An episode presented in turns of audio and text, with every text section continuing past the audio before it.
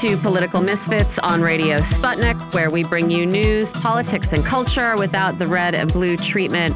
I'm Michelle Witte. I'm here with John Kiriakou. Boy, really racking our brains for something to talk about today.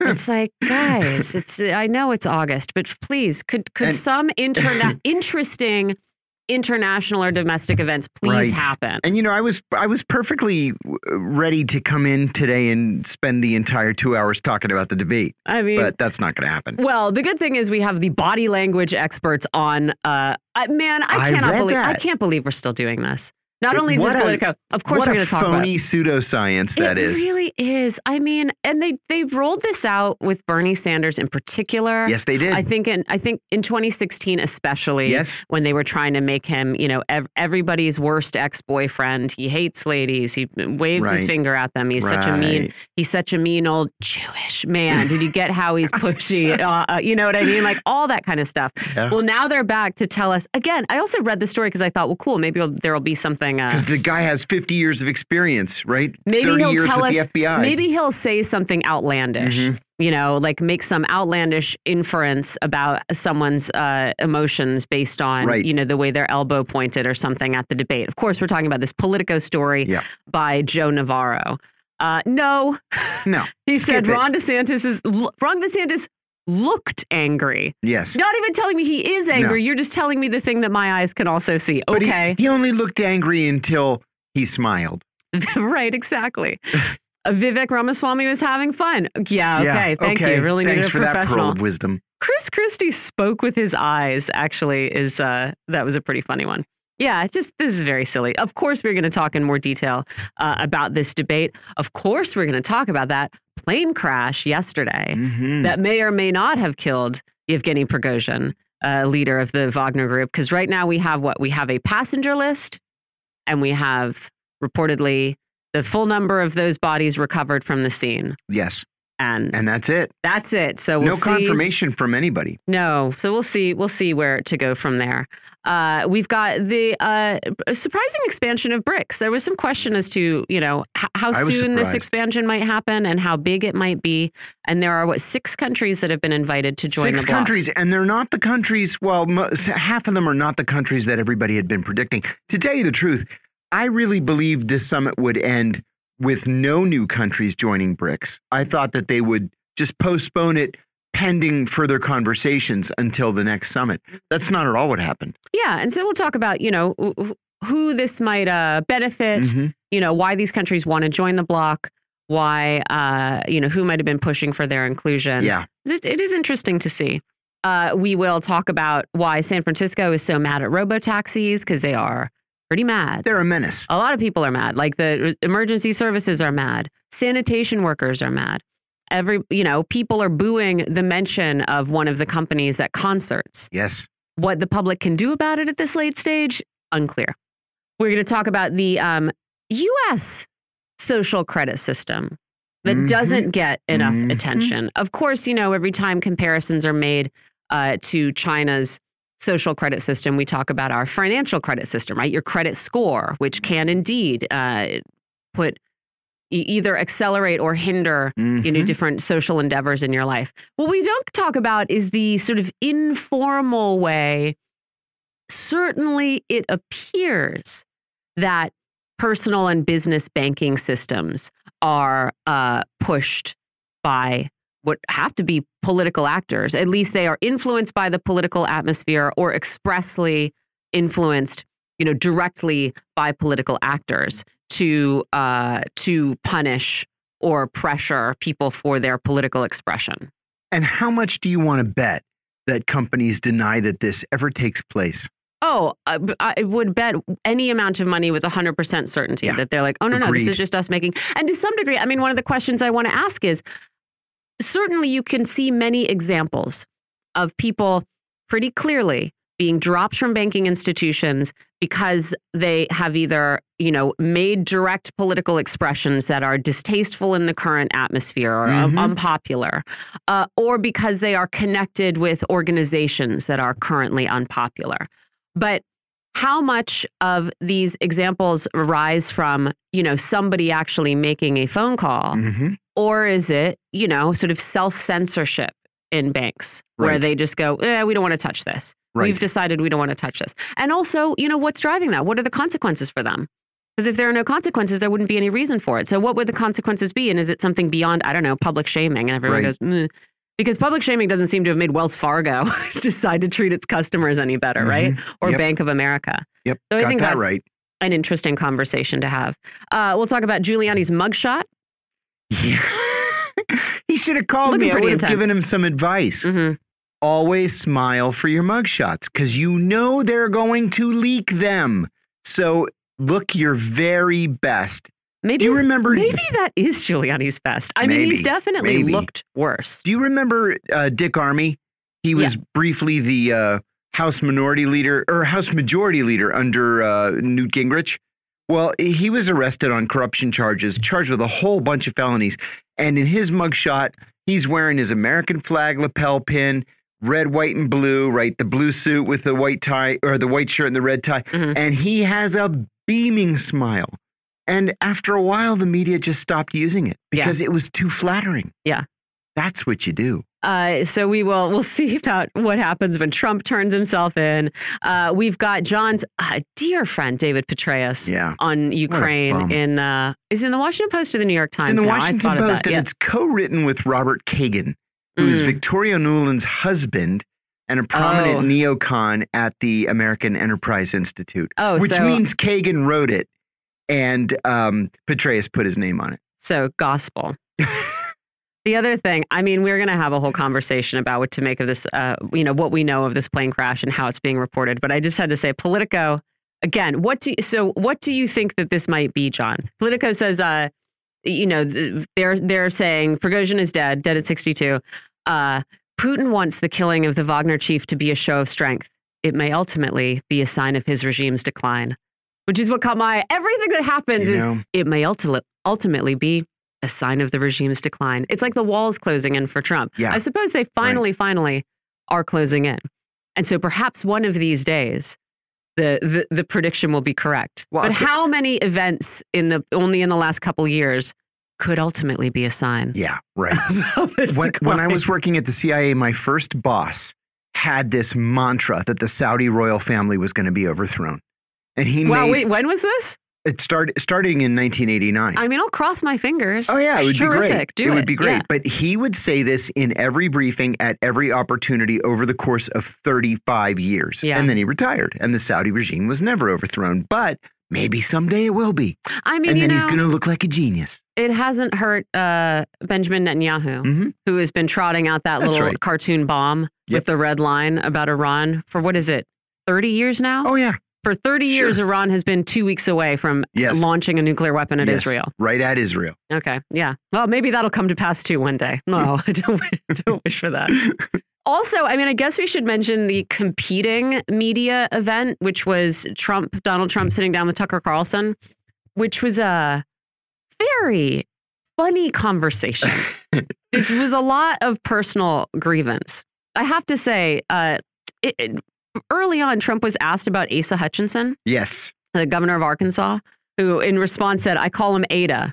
Why? oh, I don't want to get myself in say. trouble. Okay, that's just dumb. That's a Trump low point. Yeah, it is. Uh, Asa Hutchinson also was saying, you know, disagree with him on on on many things, but he is at least sort of a principled man. I think to some degree. Like if you had to line, if you you looked at those eight people who were on the debate stage, Yes. and you had to categorize them into sort of like bottom, middle, and top tier in terms of, you know, who who could I tolerate becoming? I mean, they're all intolerable, right? But like, if you have to rank them in terms of who, if if there is no other option, who would I prefer to lead the country? I wouldn't put Asa Hutchinson in the absolute bottom tier. No, no, I wouldn't With either. like Mike Pence and and it's kind Ron of a DeSantis. harmless character. Well, I mean, he's a like rabid pro-lifer. Yeah. And a and a conservative Republican, which I disagree with. But he has some, you know, he ha- he does have some principles, right? He he vetoed that piece of legislation that the Arkansas legislature put together to deny health care for, you know, get put the government in the way of trans children and their parents and their doctors deciding on how, you know, what what kind of medical treatment they should get. And he said, Mhm. look, I don't think this is a I think this goes too far. And I don't think this is the purview of government.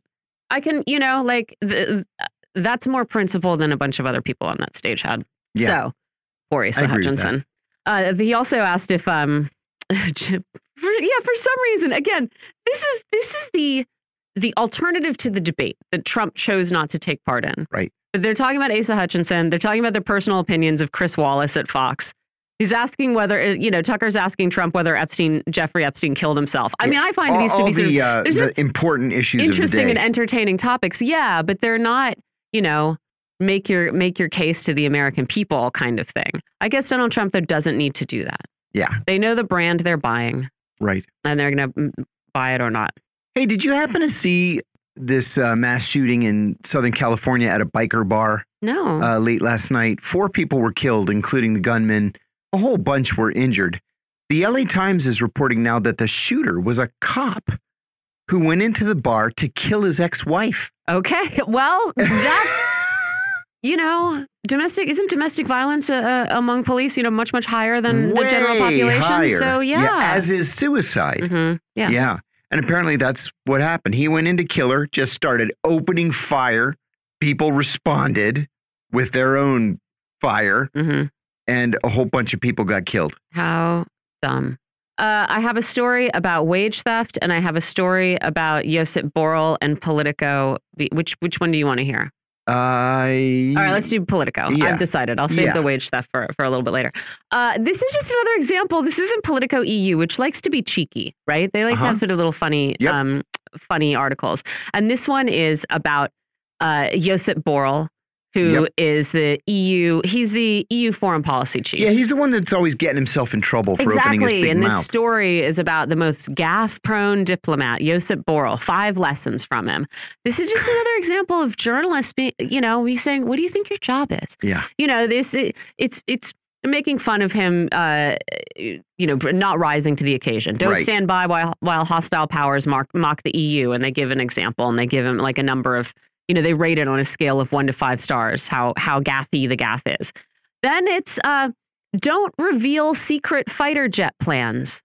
So politico the media outlet is saying always stay on script and never reveal highly sensitive confidential information to the world's press unless of course you're talking to politico. Why would you even i mean again i know this is supposed to be a joke but like don't you it's like they had to put in someone an editor added that little parentheses because they remembered oh actually i guess we're supposed to be trying to get this kind of information out of these people Yeah. and not just transcribing the talking points that they stand up at the podium with hmm hmm I don't know. I thought that was I thought that was sort of funny. That you know, don't compare the rest of the world to jungle. Yeah, don't patronize women footballers. Don't tweet confidential documents. Please tweet confidential documents, right? Everybody tweet confidential documents. That's what we want to see. Everybody, everybody. I mean, I know they're giving him advice on how to be a good diplomat, but it is, you know, it's Politico. The gaffe rating is like a a face palm kind of guy. yes. I mean, that's for that is for EU diplomats. It should be sort of a salivating journalist that's a that's their little um emoji. Well, look at t- look at today's New York Post too. You know, talking about journalists. I'm using air quotes. Mhm. Journalists with too much time on their hands. Listen to these headlines. Prince Harry very likely using $40 product to thicken his hair, says expert. I am a pilot, and this is how you can get banned for life.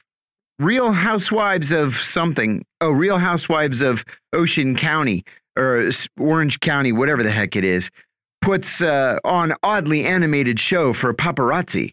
But Like, with how else would we know that Tan Mom was s- running for Senate? I saw Tan Mom is you know what? I might I might like Tan Mom's platform. I don't know anything about it other than she said a lot has changed in the last decade Yeah. since she rose to Tan Mom fame, and she spent a lot of time dealing with insurance companies. Yes. which makes me think eh, she's probably not the worst in the race. And she says that she's a compassionate conservative. Mm, So we'll see. yeah, we'll see. Hey, I know we have our first guest on the line. You want to just go straight to it and yeah, get I, I think I will. ready to find out exactly what happened in this plane crash. Exactly what happened. And, Down to the last detail. as you just heard uh, from Manila Chan and Ted Rall, a, a plane crash outside Moscow yesterday apparently apparently claimed the life of Wagner Group leader Yevgeny Prigozhin. Prigozhin reportedly was one of 10 passengers on a flight over the, the Tver region of Russia that went down yesterday evening, killing everybody on board. The Russian media say that the Wagner Group's operations commander, Dmitry Utkin, was also killed. But the Kremlin and the Russian ministries of defense and foreign affairs have been silent, leaving the deaths unconfirmed. We know that Prigozhin was on the passenger list, but we don't know a whole lot else. And there was big news from the BRICS summit in Johannesburg yesterday. The group, made up of Brazil, Russia, India, China, and South Africa, announced that it would admit six more countries into the organization. They are Saudi Arabia, the United Arab Emirates, Egypt, Argentina, Iran, and Ethiopia. That new lineup surprised many analysts who expected that if any new countries were going to be admitted, they would also include South Korea and Indonesia. Analysts also said that the new additions were a victory for China, which may be looking to create a new version of what used to be called the non aligned movement. China, which appears to have been the driving force behind the additions, seems to come out ahead in all this, and India at the same time seems to be, have been left behind. We are joined by international affairs and security analyst Mark Sleboda. I hope you don't get tired of hearing Mark. I never do. Mark, welcome back. Thanks for joining us. John, Michelle, thanks for having me. It's always an honor and a pleasure to hang with the political misfits. Mark, the easy question, I guess, is is Yevgeny Prigozhin dead? I don't know. That's a, a, great way to start. We don't know. I mean, we don't know. I mean, it is likely. It is yeah. likely. I mean, the uh, there were two planes that took off from Moscow Domodedovo um, uh, yesterday evening en route to St. Petersburg. One of them crashed uh, over the Tver region. The other one supposedly uh, eventually went back uh, to Moscow. We don't know much about that. The passenger manifest lists seven crew or three crew and seven passengers. Supposedly, on uh, among the passengers should have been Yevgeny Prigozhin, uh, Dmitry Utkin, the actual military ex-Russian special forces and military intelligence, the actual military operational commander of Wagner, where Prigozhin was just the financier and the front man, and also uh, Valery Chekalov, who was uh, the deputy commander of Wagner. He was the um, the logistics genius that ah. supposedly made Wagner work around the world. Um, and a number of others that it's it's less known, you know, exactly what their roles in the organization were. Now, uh, according to insiders, uh, Wagner's security protocol was usually that the top people don't travel on the same plane when right. going to, to and from the same destination. But it's also wouldn't be the first time, according to them, that that protocol was set aside. Uh, so um, we um, don't know much at this point. The bodies were recovered. We're waiting DNA analysis. One of the big things people bring up is that Yevgeny Prigozhin already died in a plane crash uh, in 2019 in the Democratic Republic of uh, Congo. His plane was shot down, or at least the plane he was supposed to be on. Three days later, he magically showed up um, alive. Um, you know, and um, so, so there are people who are wondering whether he might do the same thing again. Uh, whether it's all a psyop, whether he's retired to a Pacific island to uh, right. uh, uh, drink cocktails with Elvis, Tupac, and Biggie Smalls. Um, you know, we we don't we don't really know uh, definitively at this point. But if it wasn't, uh, you know, if if if he did die, and if it wasn't an accident, and it could possibly have been an accident, sure. right? These things happen. I don't believe it. I don't believe in coincidence theory, but you know, hey, right. um, it, it's possible. Uh, but then you go to well then who if if it was uh, you know a bomb on board or if it was shot down who was it well you have to start with a list of those people in the world who didn't have good cause to want Yevgeny Prigozhin dead and i think you'll find the list is very small yeah I think that's right. Yeah, the the Russian government is certainly uh, on the short list there after the mutiny he uh, led against Putin, uh, but so is the U.S., the CIA. Uh, he is, uh, you know, sanctioned. Wagner is sanctioned. Public enemy number one, enemy of the U.S. around the world. Uh, the Kiev regime's SBU, the intelligence unit. Um, uh, certainly, he's regarded Wagner almost almost single-handedly laid siege to and took Bakhmut after a half a year. The Kiev regime has him on, you know, multiple death lists.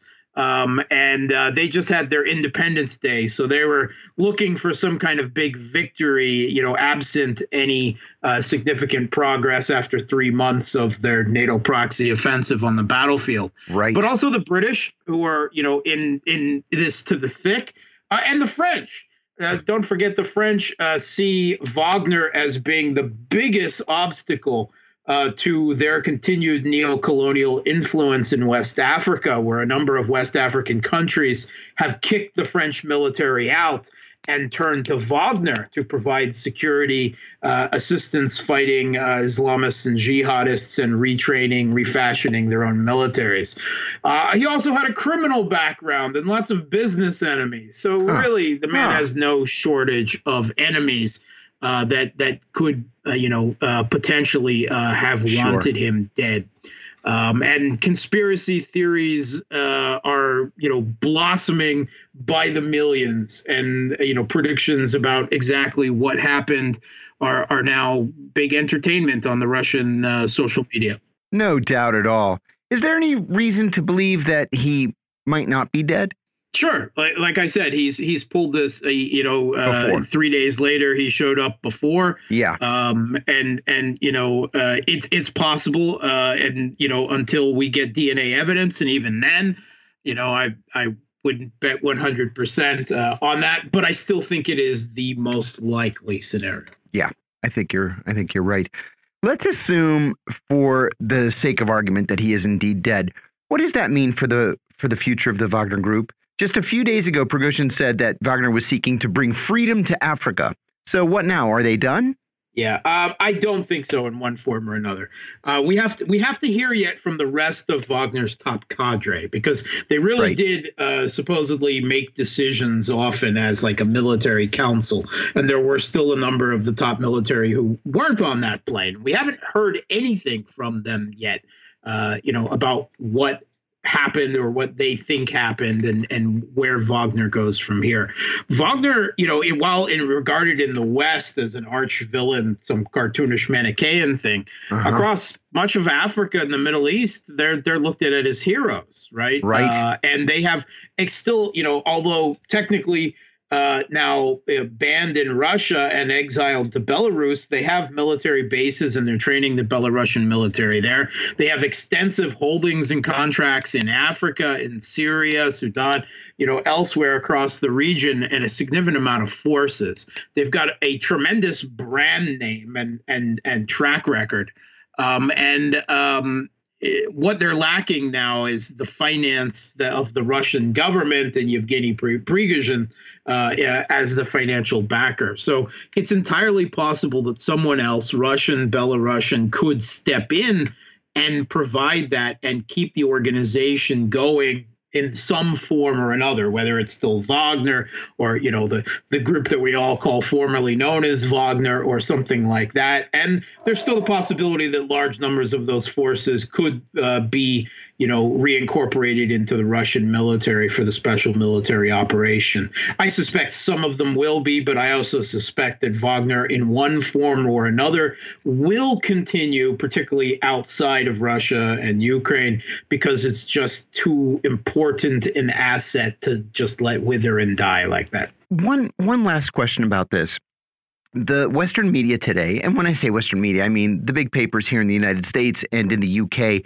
are unanimous in their analysis that Prigozhin's death strengthens Putin in the near term and may pose a problem for him later on down the line.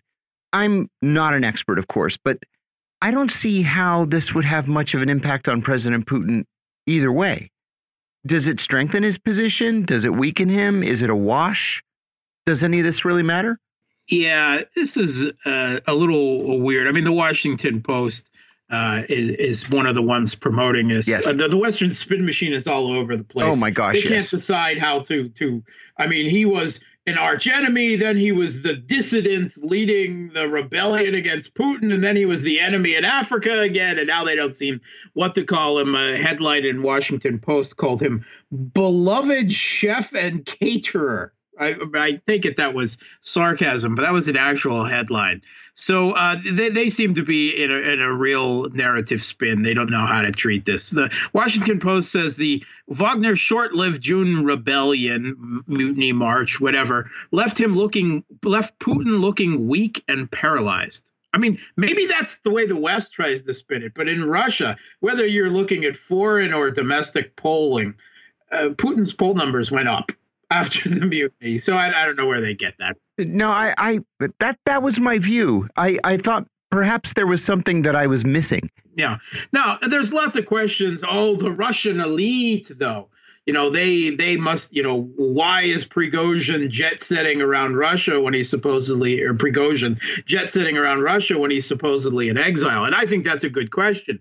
And I would bet that the answer is it's complicated, right? you know, like like every uh, uh, midlife uh, romantic uh, profile.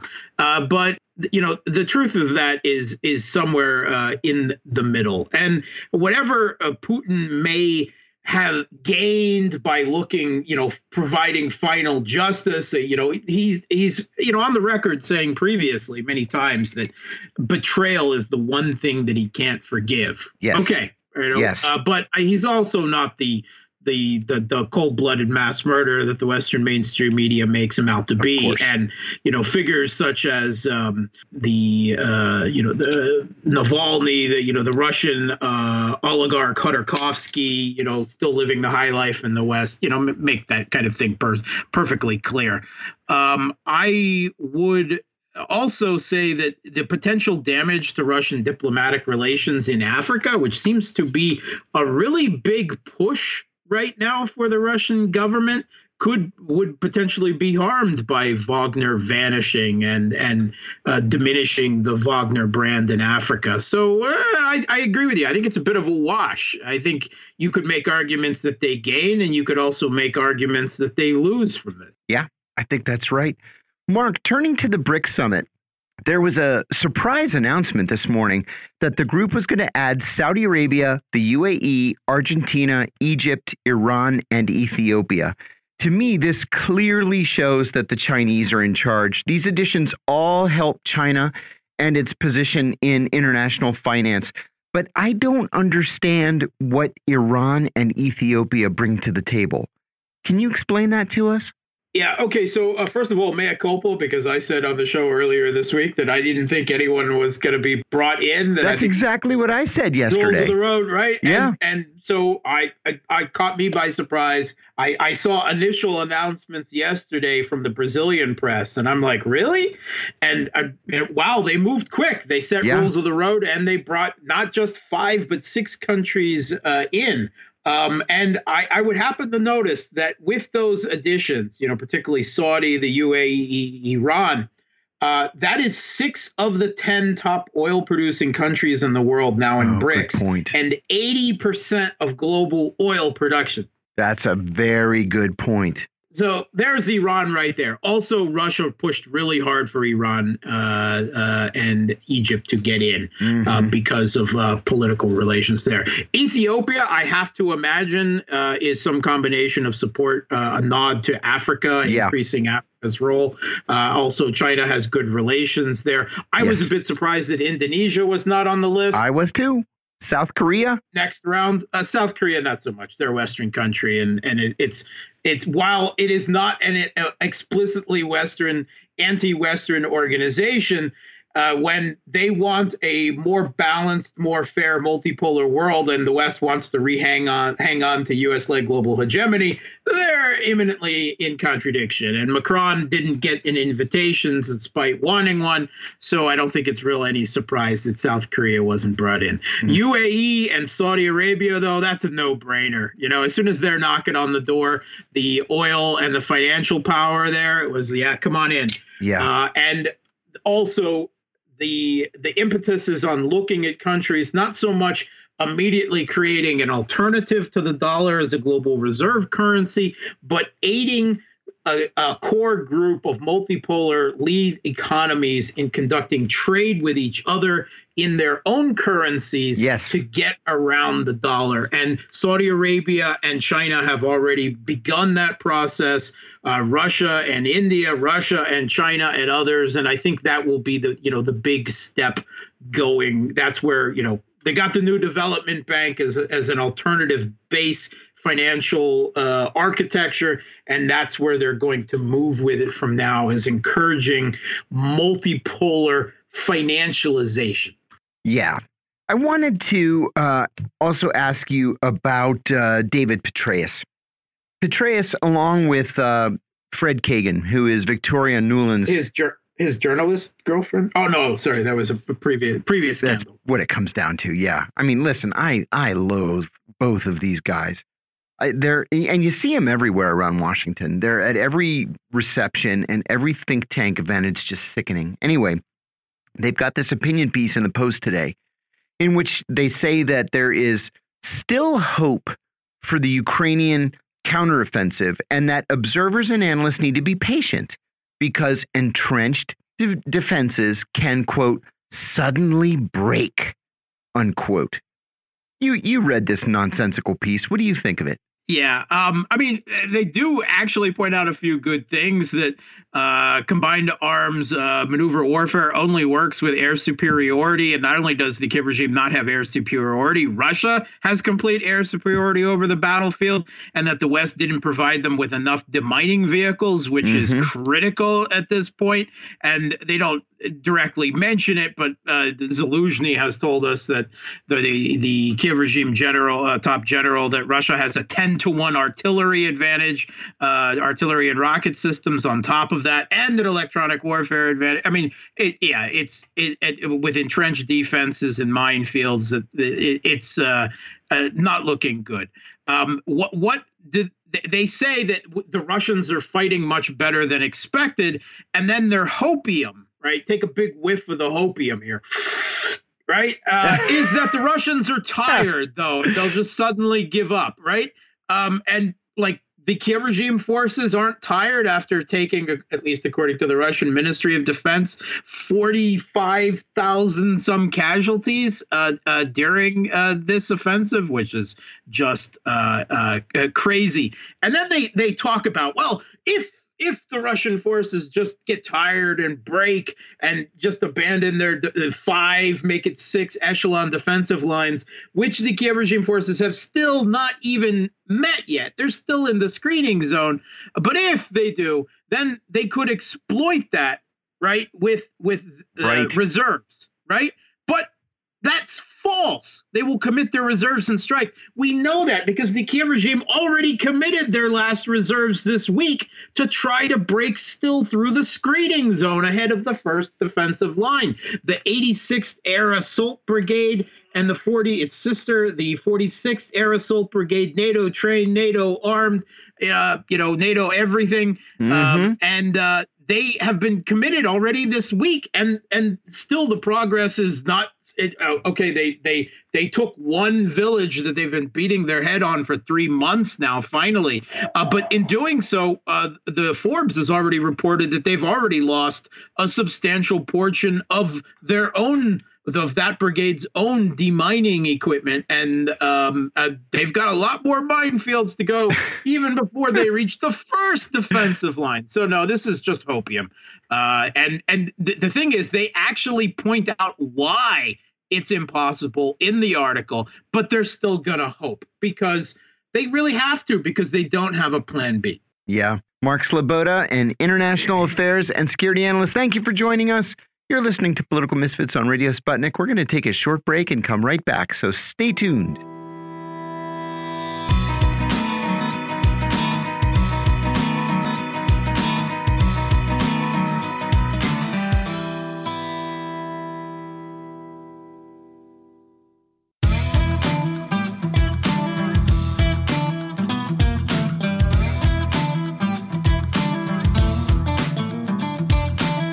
Welcome back to Political Misfits on Radio Sputnik, where we bring you news, politics, and culture without the red and blue treatment.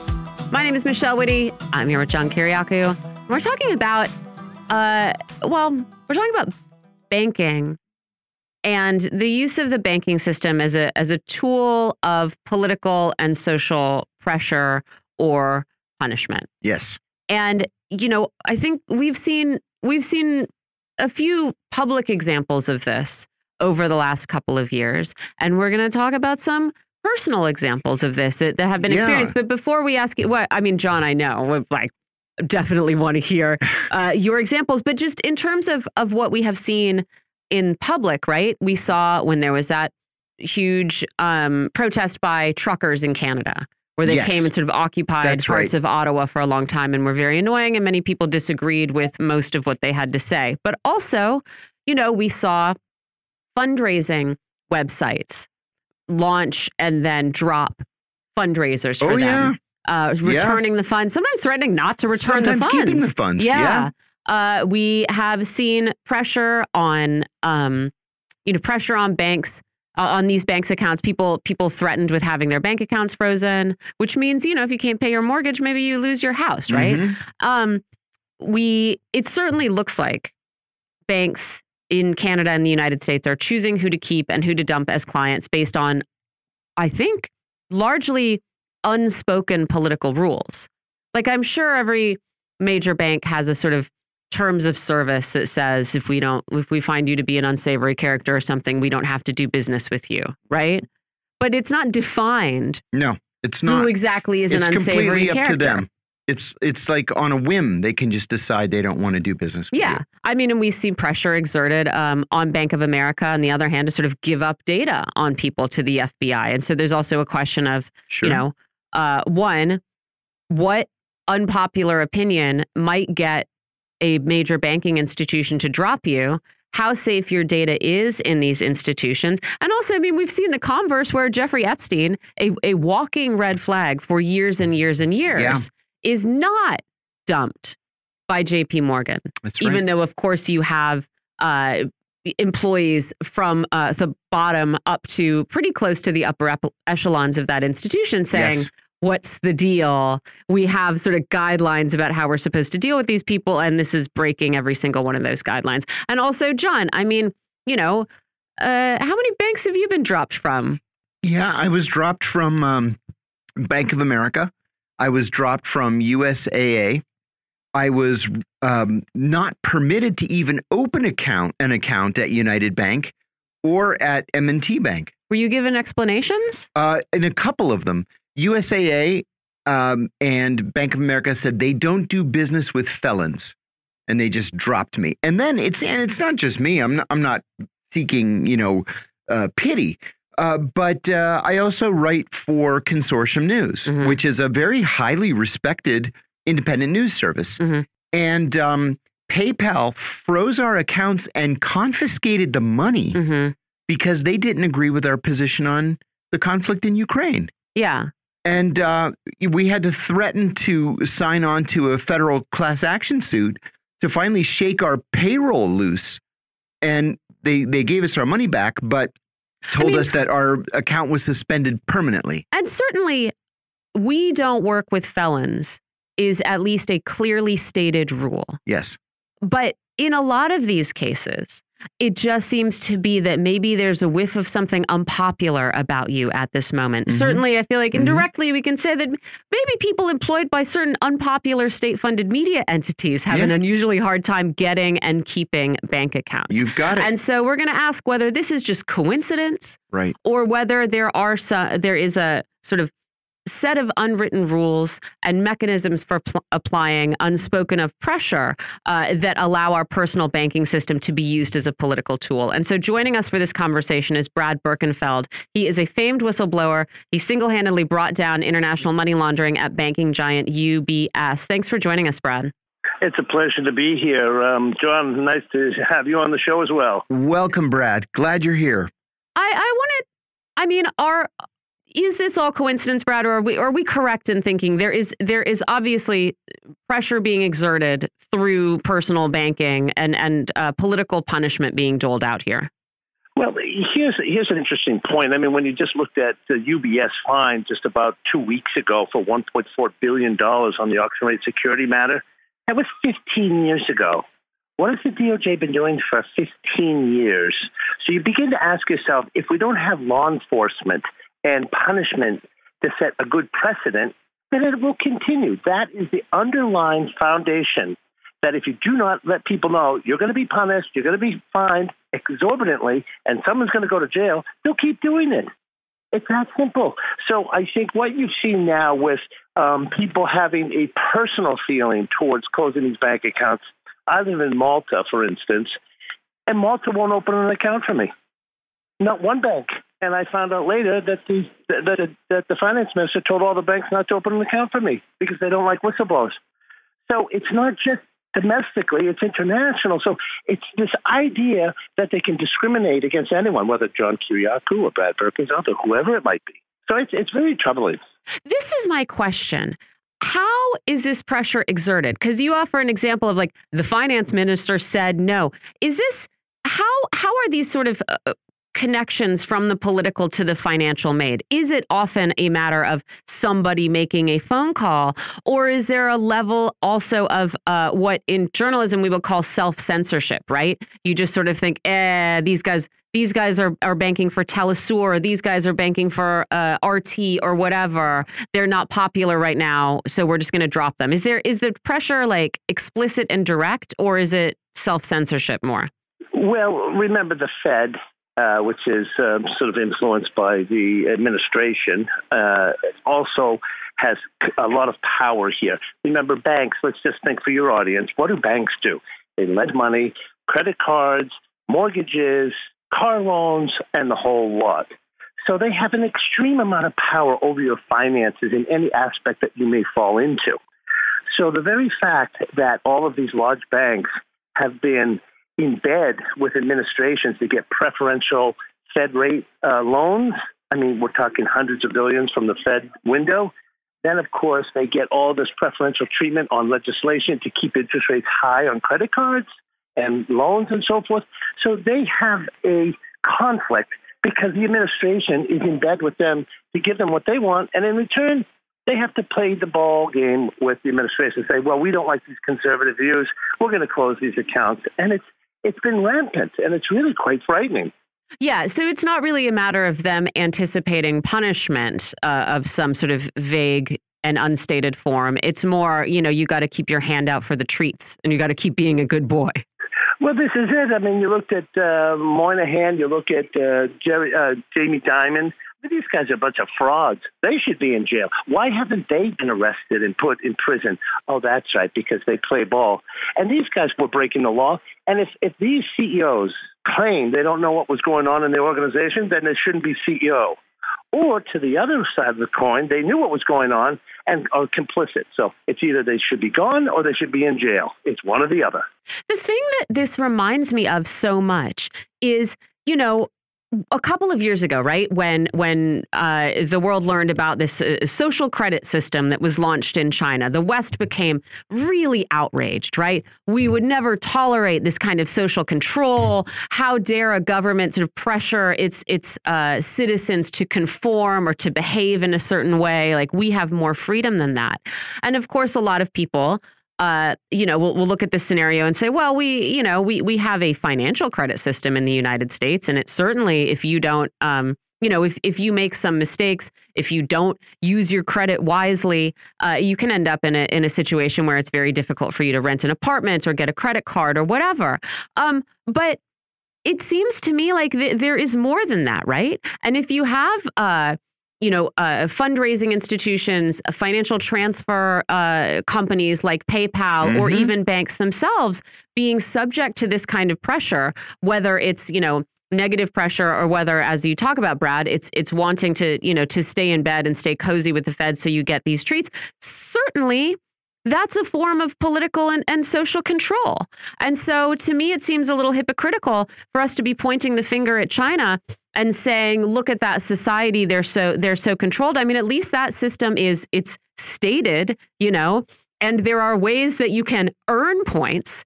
It, seems like, you know, what happened to John Kiriakou, what happened to Consortium News, what happened to these to these Canadian truckers whose whose banks were threatened to be closed. It's you know, you never know when the stick might come out and you're going to be punished, which seems to me like a, an objectively worse way to live. Well, it's, what it is is it's, it's a, a clear form of discrimination. I don't care what you've done in your life. I mean, as John mentioned, he was convicted felon, as I am, but uh, I did more for the United States than any American's ever done outside the country to bring back billions of dollars to our country. So that, just leave it at that. But for John and myself to discriminate against us and many, many thousands of other felons. And now, all of a sudden, you're going to use this as a tool to really punish people. I mean, it goes back to the days of the 80s when I was in high school that you didn't really want to deal with Russia. You'd be better dead than red because we hated the whole way in which they intervened on our lives and undermined ourselves, and people turned neighbors in and family members.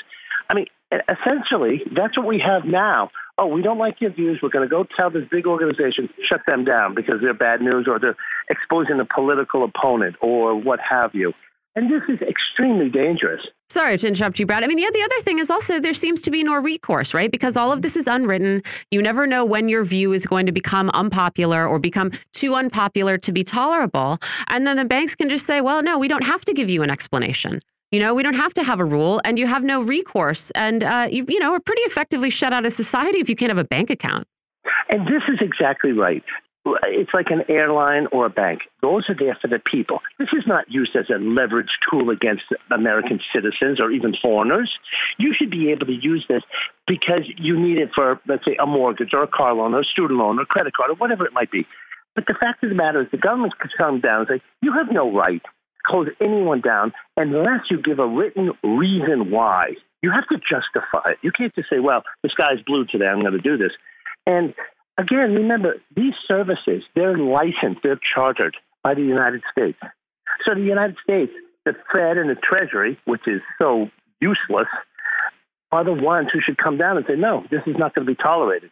So hopefully we get a new administration who can change the Fed and the Treasury's um, leadership so that they can implement some of these rules. And again, I'm not asking for favoritism. I'm not asking for special treatment. I'm asking for people low and high to get the same treatment. I mean, yeah, we have conversations about, you know, patient's bill of rights. Yeah. This and that's bill of rights. There's sure. like a ba like a, a, banking client's bill of rights, which is maybe just if you dump me, you have to give me a reason, yeah. and there has to be one avenue for me to to contest it.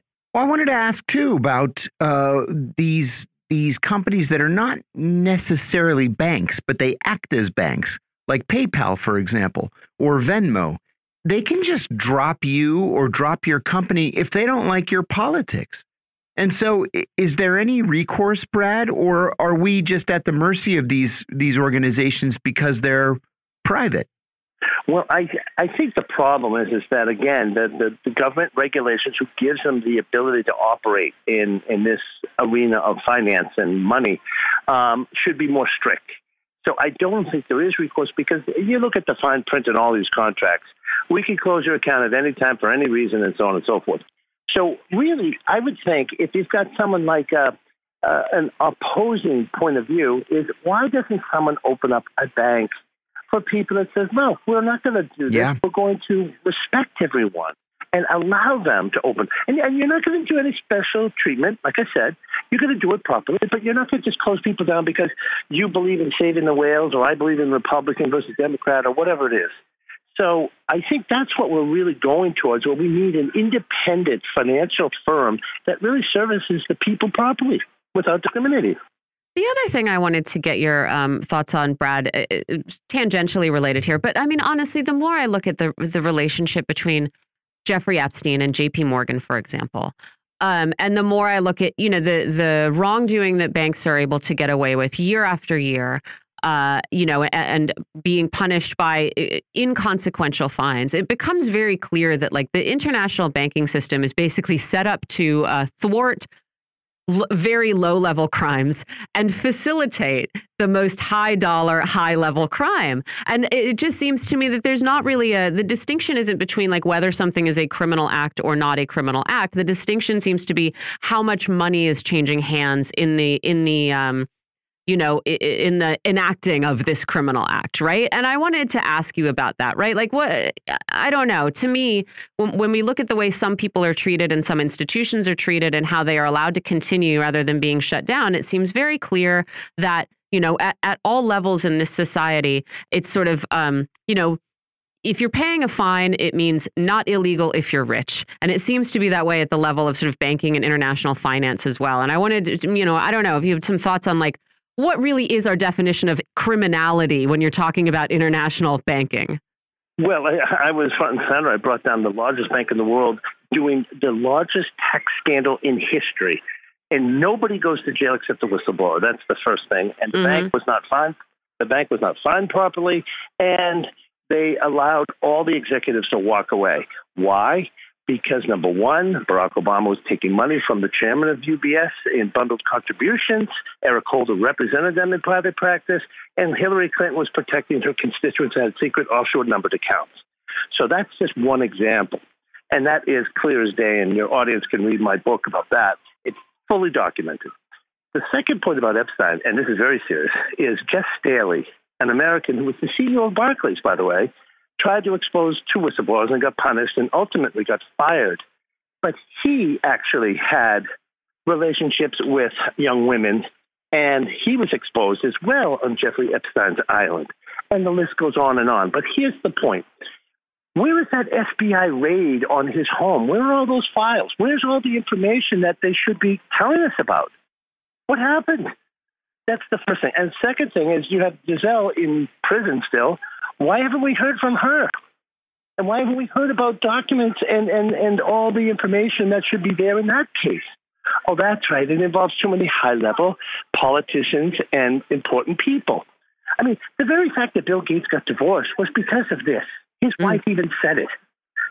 So when when the, one of the richest men in the world makes the worst business decision of his life and cheats on his wife, yeah, it's quite incredible. So you begin to look, and then Bill Clinton. Oh, I was only on Lolita, the plane, twice. Well, no, it was actually 27, Bill. That's not the right math. So you begin to see the contacts here are so deep. And the problem is now the DOJ and the FBI won't tell us what really went on. And and why is it that we're sitting here thinking that we're we're idiots? No, there's a big cover up here. And the Jeffrey Epstein case, the very fact that he died in prison and that was a joke, and the, and the fact that we haven't been able to see the real perpetrators punished. That's the key. Because if you don't set precedent, or you set a bad precedent, you're condoning bad behavior. So we should all go rob a bank today, take $10 million, say we're sorry, give back about seven, and we keep one each. Right. That's, a, that's essentially what's going on with the investment banks and the large institutional banks. They break the law continually. Mm-hmm. But no one, you put the CEO in jail, I guarantee you this stuff will stop. I mean, and other countries do that. You know, other countries have taken that position, and we just sort of yeah, we continue to go after uh, the the lowest level criminals or uh, whistleblowers, as yeah. you as you say, and in your case. Well, this is it, and and and and the reason why they don't want the truth because they're all feeding off of the corruption, yeah, and the criminality, yeah. Yeah, I think that's the only conclusion you can come to. And the reason we don't have some of these protections is because, you know, it, it is useful to be able to have these things as tools Absolutely of punishment right. or pressure. Absolutely and that's right. why, you know, we have these these gray areas yeah. everywhere in our in our uh, society and, and governance and financial systems. Well, this is it, and and people have to understand. You know, the good thing about whistleblowers is they they risk everything, as John and I know. You risk your reputation, your livelihood, your uh, your finances, and so on and so forth, and your family. In John's case, the point I'm making here is is that the reason why Senator Grassley put in whistleblowing laws and strengthened them is because the law enforcement can't do it. Mm-hmm. So we whistleblowers are an extension of law enforcement. Admit it if you like, but that's the fact. So what we do is we come in with from A to Z, and we tell, and we don't sugarcoat it. We don't cover up for a cousin or a political person. Say, hey, these guys are hiding money, or these guys are dumping oil in the river, or whatever. And that's why whistleblowing is going to be here forever, and it's getting and it's gaining strength. And this is where we need more whistleblowers to come forward to exposing, just like in this Hunter Biden case. These FBI and IRS whistleblowers are doing law enforcement's work where they covered it up. Yeah. The other question I had before we let you go, Brad, is just about um, about data. uh, Bank of America a couple months ago, it was reported they, they handed over a, a ton of private information on clients who used their credit cards or banking funds to pay for expenses in Washington, D.C. around January 6th. And a lot of critics said, uh, you should really be entitled to a little more privacy than having your private data, uh, you know, pored over just because you happen to use an ATM in Washington D.C. on January 5th. And so I wanted to ask, you know, just just how up for grabs is our financial data. If the feds come knocking and say, "Yeah, give me a list of everybody who used a credit card at the Macy's on 16th Street on January 5th." Well, I, I, hate to use the terminology, but the banks are prostitutes to the government, to the politicians. Mm-hmm. They will do anything they can to get what they want. And, and, and here's another important fact about this January 6th with giving up this data, which I, I thought we were a country of privacy and so forth and protections, attorney client privilege, medical privilege, clergy privilege, and so forth. And so, how about the story about all these banks who never tell us they get hacked and all that data gets stolen? And yeah. they tell us 12 months later. Well, thank you for telling me 12 months later when the damage is done and all kinds of things are ruining my life. Mm-hmm, yeah. So oh, you really you don't have enough money in those banks to put in proper security systems to prevent hacking, really? Seriously. So um, behind what you had just mentioned about giving up data, the fact that the data gets stolen and they don't tell their own clients, and the fact that they can just run amok and close accounts as we've started off, this this is just out of control. This is a financial industry out of control who claims to be so clear and transparent and so fair. Well, not really. Not, not over the last 20 years. I've seen all kinds of criminal acts, which just a slap on the wrist, you get a fine, and just continue doing business. Have a nice day. Brad Birkenfeld, we're out of time. Uh, Brad Birkenfeld is a famed whistleblower. He brought down international money laundering at banking giant UBS. Do you want to tell our listeners uh, the title of your book and where they can buy it? Yes, it's called Lucifer's Banker Uncensored, and the website is www.lucifersbanker.com. And you can go online. They have Amazon and so many other spots you can buy it. And it's a wonderful read. It's factual, and it exposes the corruption in the Obama administration as well as the Swiss government. It's that's absolutely true. It's a fascinating book. It's a quick page turner. You'll like it. Brad, thank you so much. I really appreciate it. Have a wonderful day.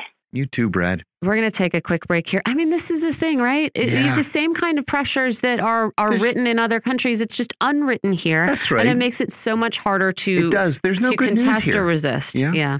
All right, we're going to take a quick break here. We're going to come back and talk about the debate. I can't wait. Which really was, uh, I mean, I hate to say it was a little bit more fun than I thought it was going to be. and we're going to talk about why everybody in San Francisco is so mad about robo taxis. You're listening to Political Misfits on Radio Sputnik. We're live in DC, and we'll be right back.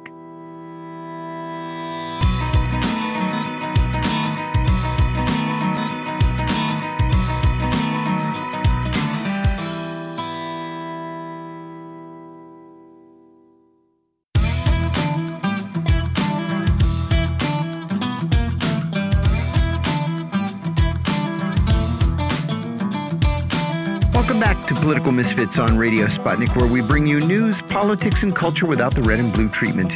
I'm John Kiriakou, here with Michelle Witte. The first Republican debate of the 2024 campaign season was held last night in Milwaukee, Wisconsin, and we watched it so that you didn't have to. Eight Republican presidential candidates participated. Donald Trump, of course, did not. And there were certainly winners and losers. Our analysis may differ from that of the Washington Post and the New York Times, but the clearest winner was probably Donald Trump. On a night when the also rans had to separate themselves from the rest of the pack, there was a great deal of agreement and almost no mention of Trump, who remains between 21 and 40 percentage points ahead of everybody else in public opinion polls. On the stage last night, Chris Christie seemed to do well. Vivek Ramaswamy was the subject of the most attacks, but was able to defend himself and dish out attacks of his own. Doug Burgum fell flat on his face, figuratively speaking. That was after falling literally on a basketball court a day earlier uh, and tearing his Achilles heel. Mike Pence was stiff, defensive, but oh so Christian. Mike Pence was the most hateful. I wanted to reach um, into the TV and smack him. He, yeah, I involuntarily yelled yes. at Mike Pence a bunch of times. Well, he said when he turned his life over to Jesus Christ, everything changed. Okay. Ron DeSantis came off as a little panicked at the beginning, but did well later. Appearances by Tim Scott, Nikki Haley, and Asa Hutchinson elicited comments, at least in my house, of, oh, I forgot he or she was there tonight. We'll now wait to see if public opinion polls show any breakouts, and we actually have some preliminary numbers.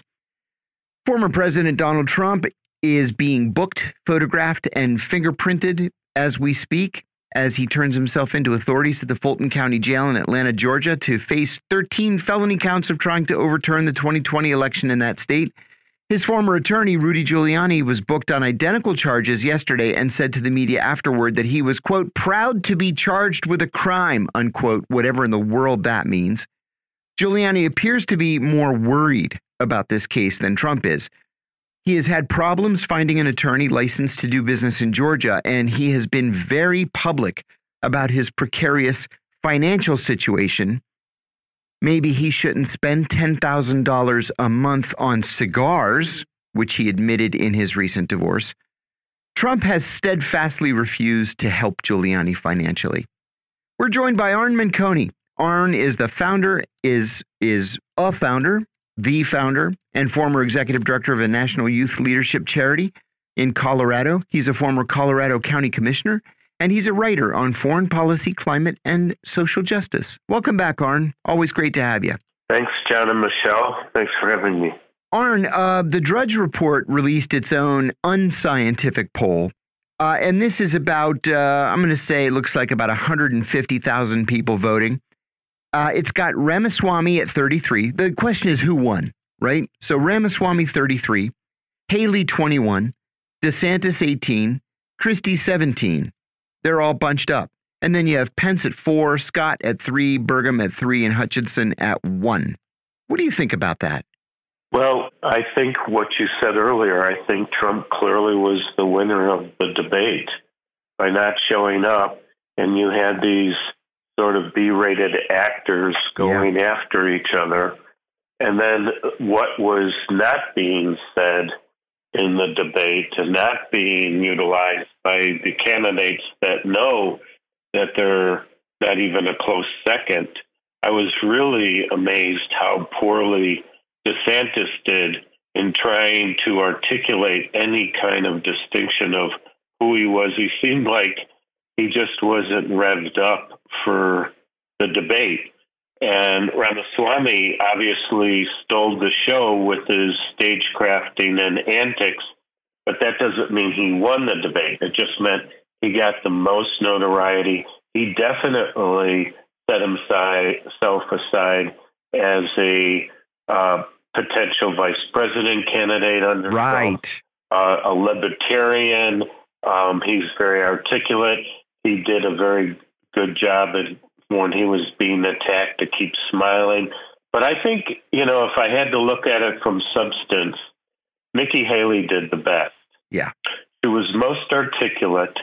She laid out certain types of policies that were important without coming across wonkish or going back to a record like Pence did or Hutchinson did um, or uh, Doug Burgum. And um, I thought she did actually a phenomenal job, and I was shocked that Christie didn't use the opportunity to go after Donald Trump's mm-hmm. 91 felony counts and four indictments. I mean, mm-hmm. that was mm-hmm. the thing. When I watched it last night, I, I kept thinking, what are the things that aren't being talked about, or what are the things that are being missed the most?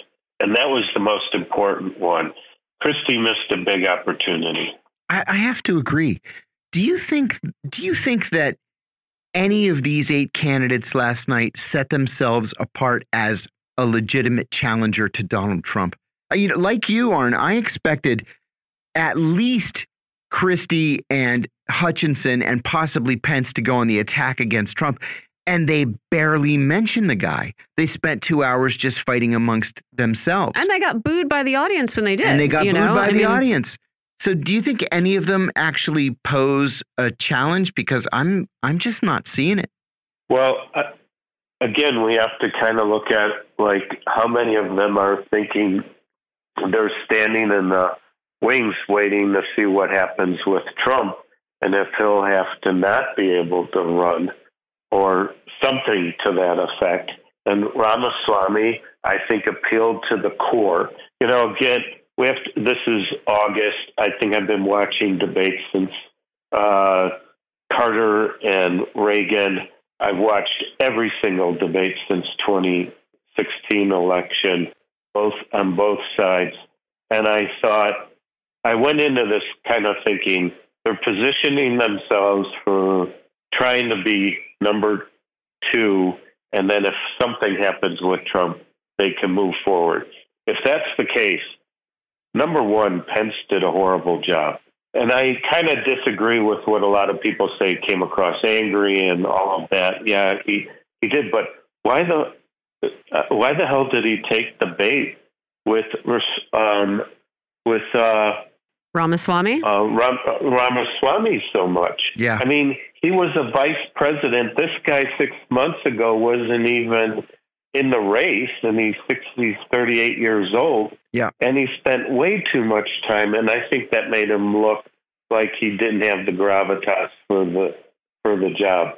Don't you think what was interesting is Ramaswamy got most of the attacks, right? Oh, yeah. He got most of the attacks through the night. He Right. did seem to be having a good time. He is an outsider compared to the rest of them who are Mhm. all sort of career career politicians. He was definitely taking the Trump lane. Mhm. And I think, you know, I think it probably helped Ron DeSantis to not have to respond so much on the totally. fly.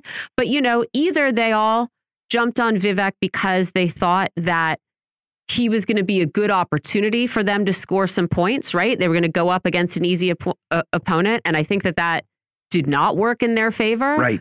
And, or they all went after him because he is the guy who had the most momentum coming into the debate. He's getting all this press and they see him as a threat, right? Either way, Yeah. I feel like actually looks good for him, looks bad for them, and doesn't look great for DeSantis either. Yeah. What do you think, Arn? Is it that Ramaswamy came into this with nothing to lose and everything to gain, and that's why he he was so fired up last night? Total street fighter. Yeah. Just came in, played scrappy, and he won. He's getting all the branding. He's getting all of the pull away quotes. I mean, there were some really funny lines last night. My favorite was Chris Christie calling Ramaswamy ChatGPT. Mm-hmm. Um, Right. but um, and then um, I thought Doug Burgum. I, I was the Lincoln Chafee of the debate. I, I'm like, what the hell? I totally agree with that. I, I hope our listeners can understand. Lincoln Chafee was uh, was briefly a senator from Rhode Island. His dad was a longtime senator, and poor Link, uh, he just never fit in anywhere. He was a Republican for most of his life, but a liberal Republican. Then he dropped out and he became a Democrat. Then he dropped out and went independent. Then he dropped out of that and went libertarian. They threw him out, and now he just sits at home and doesn't do anything. I will say, in poor Doug Burgum's defense, he he like smashed his knee up the day before, right? He was he tore probably his Achilles tendon. Oh, tore his Achilles. See, that was my first guess. You That's what you right. do when you're playing basketball. yep. So, how many painkillers do you think he was on That just to guy. be able to stand there? he couldn't get a thought out. I mean, they should have had to. They should have shot the rest of them with a sort of uh, oxycodone gun before Yeah. they took the stage to even to the playing even it field. out. Go ahead, Arn. Well, the topics that they were discussing last night was government spending, abortion, guns, the deep state, immigration, and the big one that again was frightening was climate change. First of all, I think there was more discussion about climate change at a Republican debate than there has been at Democratic debates. But again, Ramaswamy came right out with the statement of it's a hoax. We need to drill. We need to burn coal. We need to uh, open up uh, the nuclear energy. And this was a day in, in Milwaukee where they had to shut down schools because it was so hot. I think the thing that we need to make sure the listeners hear about this is there was there's always going to be stagecrafting. There's 90% of these debates always seem like they're they're campaign uh, slogans and their beatitudes and their virtue signaling and things like that. There was a, and I get really pissed off when I try to get friends to watch the debates and they say I hate these guys or I'm not interested. And I'm an Italian from the south side of Chicago. I like to know how many different ways I'm going to get screwed over. And if I was watching this debate from the standpoint of how many different ways I'm going to get screwed over, there was no leadership. There was very little public uh, policy discussion. Uh, there was the, the it was um, I tweeted this out and uh, that Ron DeSantis said that he would just bring troops down to the border and cold uh, stone, kill, and murder people crossing the border. Granted, he was saying that those were in the context of people crossing the border with fentanyl. But studies have shown that most of the fentanyl that's being crossed by the border has nothing to do with cartels and and uh, immigrants coming across. Right. I want to ask you too about uh, Ron DeSantis. Ron DeSantis is generally seen as Trump's most formidable challenger, although he has weakened uh, in some cases significantly in the last uh, in the last couple of weeks. And I think he was the one who had the most to lose last night. He's been fading in the polls. He fell behind Chris Christie in New Hampshire, and he really had to be on his game last night. He was generally well prepared and well scripted. He was nervous in the beginning, but loosened up a little bit later on. Was that enough, do you think, to give him momentum going into the next debate? I, I just think, you know, I think he performed terribly. I mean, these these guys have millions of dollars, tens of millions, hundreds of millions of dollars. They've been practicing and training. They know they get more airtime here than they do in their commercials or yeah. uh, traveling around or their interviews on Fox News. And again, uh, I I used to live in Florida, and I have been following DeSantis, and I haven't watched him uh, on a stage speaking that much, but I just think he has no there there. Yeah. And the only thing he has going for him is he comes from a major state that is very important in the election. Yeah. Yeah. True. And what about Mike Pence? Ugh. Mike Pence. I just wanted a trap door to open under Mike Pence. Just get him Seriously. Why is he there? You know, what struck me, in, in my view, Pence appeared to be offended that anybody's running against him right? That this should be a Mike Pence coronation. He sees himself as the only legitimate conservative. And he said several times that he's the only true conservative on the stage. Certainly, he's the only evangelical Christian, although Hutchinson may disagree with that. Yeah, he's, he's got delusions of grandeur, and delusions there's no point to have grandeur. him on the stage. You're absolutely right. And he appeared defensive and stiff and angry all night long. His poll numbers are terrible, especially for a former vice president. All I can think of is Dan Quayle. Did he help himself in any way last night? He did do one thing that was very important. Okay, so yes to all of the above, except for the fact that he did come out and say that Donald Trump wanted to put himself, meaning Trump, over the Constitution, and he chose the Constitution. Yeah, so that was a good response. Following, you know, and the, to the next questions you may be asking about the trials, um, it's it's you're you're looking for crumbs in these kind of converse, uh, debates in order to see. Um, by the way, this man has 91 felonies and four indictments, and many of them are lawyers on stage. Is anyone going to help educate anyone on this? And and that was the the one thing that he said that I thought was a, a good statement. As far again, they train and practice what a week, five days ahead of time. They have their, oh my gosh, yes, uh, yeah, and and they're they're being hit up and down and across and and then I think he threw out any kind of style tone points and that hurts him. And again, I, I think he if if he was vice president and isn't coming, and he was a governor and he was a congressperson, mm-hmm. and he can't come out and show why he's the most qualified for the job. Right. He's Mr. Resume and he's polling single digits. Right. Do you get the feeling that we're just watching this as a, they have to have debates? Trump's not going to be in the debate. Trump is polling better than he's ever polled. Chances are and Biden is very vulnerable.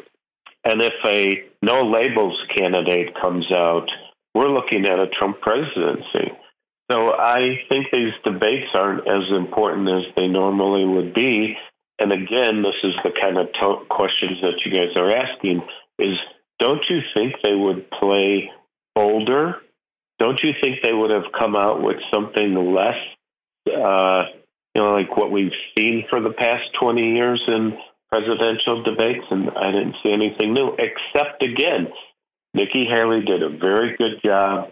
I um, I like hip hop. She went after, she totally went after Ramaswamy and uh, said he showed that he had no foreign policy uh, experience.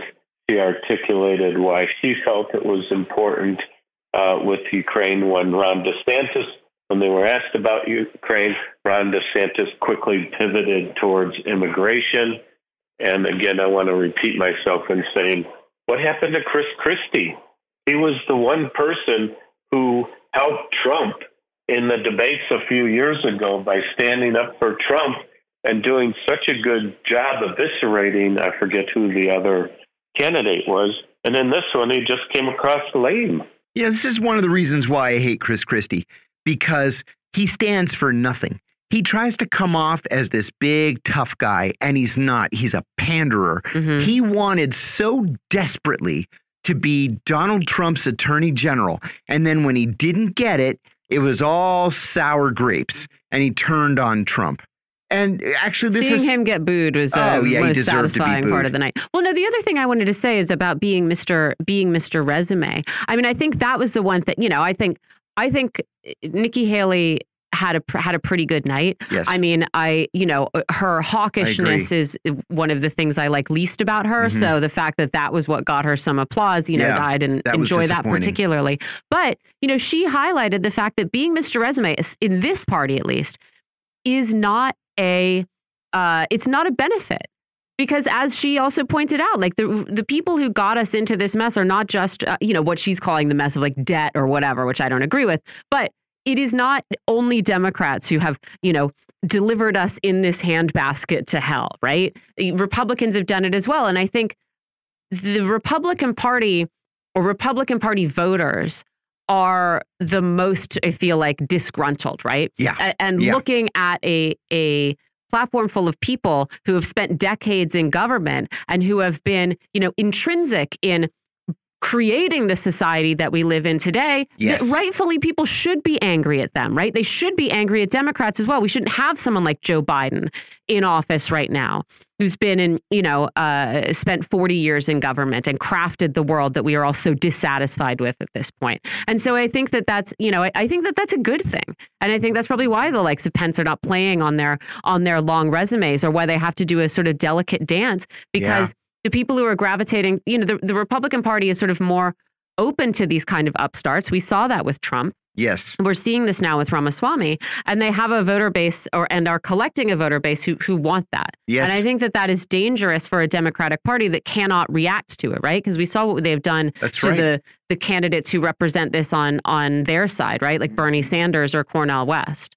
I mean, Bernie Sanders, of course, being a sort of uh, outlier because he does have a long a long resume, but it is a long, consistent resume of a lot of resistance. In, in preparing for this conversation today, so uh, I watched the debate online uh, through uh, my computer on Fox News, and uh, at the end, they did their debrief. Right. And the main topic that they were talking about was what they felt didn't get talked about enough and that was the deep state. And we don't have enough time to get into all of what deep state are they talking about as opposed to maybe what progressives think about. But it was all based about that the um, uh, the the the deep state has been weaponized politically by the Democrats to go over after the Republicans. And I was um, maybe I was I have a head cold, so I wasn't paying close enough attention. But I was surprised at how this is getting legs and momentum, and how it is and I'm curious to find out from you guys how do you think this is affecting the overall? Um, if you looked at it like they're trying to create destabilization in order to move further ahead and pick up this disenfranchised, cynical, conspiracy theory type group of people. I'm I'm I'm worried about how the deep state is being uh, characterized in the Republican uh, race. Mm -hmm. Yeah, but I'm not sure if that really has legs. I'm not, I don't know. I don't I mean, know. like, it's possible, but I'm not sure. This is like Ramaswamy's repeated attacks on the administrative Yes. state. Like these Yeah. are the people who are ruining our lives this and trying to get rid of the. DEA. Yeah. Right, I mean, again, I, I think they're right. I think that certainly there are people who are, you know, there are people who are unelected who are making decisions Sure. that we didn't put them with the, the the public did not empower them to make. I don't Mhm. think it is, you know, the sort of career bureaucrats at different agencies who are writing and enforcing regulations. That's right. I think yeah, I do think that's a dangerous misguided uh, attack. Right. So what happens is for a progressive like me, I think of the deep state as the bureaucrats or Yeah, possibly what like if they had said the military has been a deep state and the military's been wasting all of this money instead of going after Fauci or both, Mhm. I'd have a little bit more. uh, They'd have a little bit more credibility with me. But I just wanted to make the point that the narrative and the word choices and what is entering into this this particular race is the key words is unique, different, and I think very worrisome. And I think what's going to happen is we're going to see you know, what the fourth primary is February 8th. It'll feel like it happens in no time. And Trump's going to be coming out of this looking like he's clearly the winner. I think Mhm. there's only two more debates left till the end of the year. right. I want to uh, I want to get a little bit more into Ramaswamy. I, I was fascinated by him last night. He was he just seemed to be all over the map. He was the most outspoken. He was the most libertarian uh, candidate up there. He interrupted other candidates constantly. He smiled through the entire thing, like he was genuinely having a good time, even when he was being attacked. He seemed to to relish the MMA fight that this debate turned into more than once. Pence and, and Christie both insulted him, and he appeared to just take it and then dish it right back at them. Nikki Haley landed a punch on the Ukraine issue. But then this morning, and this is really what I, I want to ask you about, both the Associated Press and the Wall Street Journal said that in their analysis, Ramaswamy, was the winner of the debate. What do you think about that? Why did they think he won that debate? I Because he was able to land so many punches, he never shut his mouth and he smiled throughout. I think I'm, I'm just constitutionally incapable of saying that he could have done that well. you know, he, he proved to me that a Harvard education means absolutely nothing. Uh, yeah, I mean, on those basis, yes, if that's how we're evaluating who won and who lost. But if you watched what Twitter was saying last night, you know, they thought he was a he, he was smug. He was all of these others. So I guess it depends which filter we're going to look at. And um, he definitely is a rising star. And I I can barely tolerate Pete Buttigieg, and he's just like a Pete Buttigieg to me. I, I would agree with that. I mean, I think Ramaswamy had a good. I don't agree with Ramaswamy. I don't want him to to become president, but he definitely took the Trump lane. Yes, He didn't. did. You know, I think he he didn't hedge where some of them hedged. He Yep. did sort of appear to to be an outsider, and I think that people find that refreshing. And I think the question is, you know, who who are primary voters and who is the Republican Party? Are they sort of this like young libertarianish kind of uh you know eh, trumpy flavor kind of dude or are they you know are they you know is it all evangelical christians who are going to like you know mike pence and wanting to have a sort of federal abortion ban right. or is there still a normal cohort that will like Nikki Haley and this appearance of of reasonability within the context of American politics? But I think Ramaswamy, I mean, I think the fact that he took all of these hits, made Mike Pence look like a dinosaur. Mm. You know, got criticized by Nikki Haley for not having foreign policy experience, but his foreign policy that he was expressing was very similar to what Donald Trump expressed, exactly. who was her boss. Exactly. So I don't think it really made him look that bad. I mean, I can see, understand, like you don't, if you don't like obnoxious brats, you don't like obnoxious brats, and he kind of is that. But I, I think that he had a good night. Uh, I, I think, I think that it went, it could have gone a lot worse for him.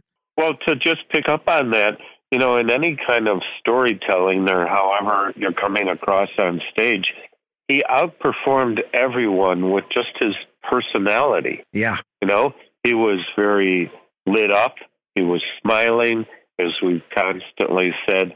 Whenever he was attacked, he was able to turn it around and turn it back to them. Mm-hmm. In those areas, that's very important. And that's why I would say, yes, under the filter category of who performed best on stage, it was clearly him.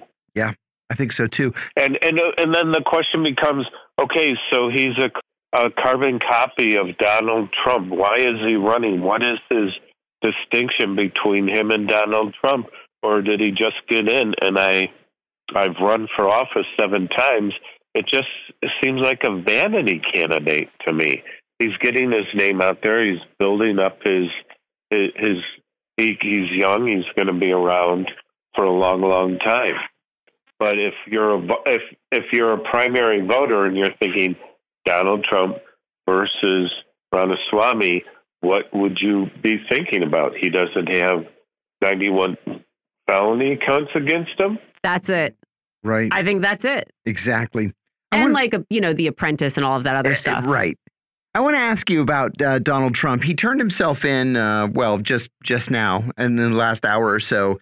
Yeah, it, well, that that's what they were saying as we were walking into the studio.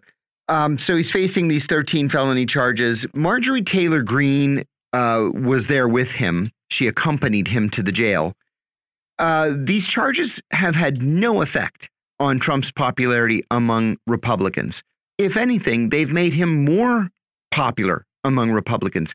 Asa Hutchinson said last night that he agrees with conservative legal scholars who said earlier in the week that Trump should be constitutionally barred from running for president because he supported an insurrection. Do you see that position going anywhere for either Hutchinson or any of the other Republican candidates? Well, um, was it Article 14, Section 3? Uh, it's it was set up after the Civil War. Was covered on Democracy Now this morning. Uh, it's going to constantly be referenced but can anyone understand how someone could have? John and I have talked about this. Oh yeah. But you know, like in when the Watergate hearing happened, I was in eighth grade and I was watched the whole thing. I think the whole country watched. Um, and when you see where things have gone in 50 years, where one man could have all of these, and it's clear that he did break these laws that yeah. have been stated in congressional committees. I I think um you know I don't have hope. I have kids. I think this is game over for the empire in decline. Yeah, and um, I think um, that's right. And I said and I listened to your show last week when you had Kevin on, and I disagree with uh, the use. Uh, you, you didn't like that they used the RICO uh, but this is an organized effort to commit crimes, and it's a very broad scope under RICO these days, and especially under Georgia. And I, I think uh, him getting in there. But if you look at the clock and the, the calendar, there's I don't see any way how he would be charged with or let go on any crimes before the November election. Mm-hmm. 2024 is going to be 24 hours of of of Trump and his antics. Yeah, I think that's right. Do I have time for one more question for Arn? Arn, I want your thoughts on Rudy Giuliani. I've said before that the irony of his arrest on these RICO charges, the same charges that he used in the 1980s to break the back of the New York mafia, has not been lost on anybody. A lot of commentators have talked about it this week. Giuliani's broke. Trump won't help him. And realistically, he can't flip on Trump to save himself for, for appearance sake. So, what do you think the future holds for Rudy Giuliani? Do you think there's a real chance that that he might go to prison? Yeah. Yes. I mean, it's what what it's already been said a million times. I mean, America's mayor is now looking like a total clown, and uh, I had heard that Trump said he was going to help with his uh, legal fees two days ago, but Trump saying he's going to pledge and perform are two different things. Yeah, yeah, that's right. And you know, the irony there is it's not even Trump's money, it's the super PAC's money. Right, and others have said this too. You know, he raised all these money, all this money, and he's not helping. Why wouldn't anyone flip on him? Yeah. If he's not standing up with them, why wouldn't Giuliani want to flip on him to save himself? I agree. No, don't you think he will? He he doesn't have any more cards to play. No, no, I think that's right. Well, Arn Menconi, thanks for joining us. Arne is the founder and former executive director of a national youth leadership charity. He's a former Colorado County commissioner, and he's a writer on foreign policy, climate, and social justice. I know think? we have our next guest on the Ah, line. yes. And I want to talk about self driving cars, driverless taxis, and why the people of San Francisco are so mad about them. There has been a lot of reporting this week about robo taxis, particularly on the streets of San Francisco, where the public seems to be very sick of them. Just a couple of weeks ago, I mean, I think two weeks ago, the companies Waymo and Cruise were allowed to expand their operations in the state or in the city getting permission to charge for robo taxi trips in the city at any time of day, not just between 10 p.m. and 6 a.m., which was the trial run time period. About a week after they got that permission, Cruise driverless cars were involved in two accidents, and the company has now been asked to cut the fleet in half while the accidents are investigated. Um, Cruise is owned by GM, and according to them, uh, the two accidents happened when one, another car ran a red light at high speed, and two, when a fire truck uh, moved into oncoming traffic Yep. to avoid a red light. And at least the first of those sounds like something that could have happened, whether you got a driver in the car or not. The second one, you know, I'm not sure. Human reactions to emergency vehicles seem to be better than the than the technology they have in these taxis, um, at least so far. Bloomberg reported on the booing uh, at a Patti Smith concert when she mentioned Waymo among the sort of hosts that were sponsoring her there. Yeah, people booed. Um, Jeez. And San Francisco's firefighters and sanitation workers are, in particular, not happy about the proliferation of these cars. They say they block roads, they run through yellow emergency tape, and they generally, and in a variety of ways, slow down emergency responders when, you know, in their line of work, just a couple of minutes manner, matter. We're joined for a conversation about what is going on in San Francisco and uh, whether people will be able to actually get these taxis off the street if they want to. We're joined by Chris Garaffa. They're a technologist and they're co host of the Covert Action Bulletin podcast. Thanks for being here, Chris. Oh, so great to be back to talk about this. One of my favorite uh, dystopian topics, really. Well, and you know, uh, producer Ben was just in San Francisco, and when he came back, said the the presence of these cars on the street was unsettling. That the way they drove was unsettling. Obviously, he is not alone. If these boos are are any indication, and so I wonder if you can just ta talk to us generally to set the stage about how these driverless cars have been received. Well, they've been received uh, not very well. Uh, you know, as you were kind of saying, you know, they have been let loose on the streets of the city of San Francisco in the daytime. Uh, Cruise and Waymo both have plans to uh, extend the services with hundreds or thousands of more cars. And we have seen you can just go on Twitter and you can see the videos uh, of people dealing with these things. One just stopping in the middle of an intersection. Another, as you mentioned, that accident. And you know, who knows if a human driver had been in the car, uh, whether they could have gotten out of the way of somebody running a red light.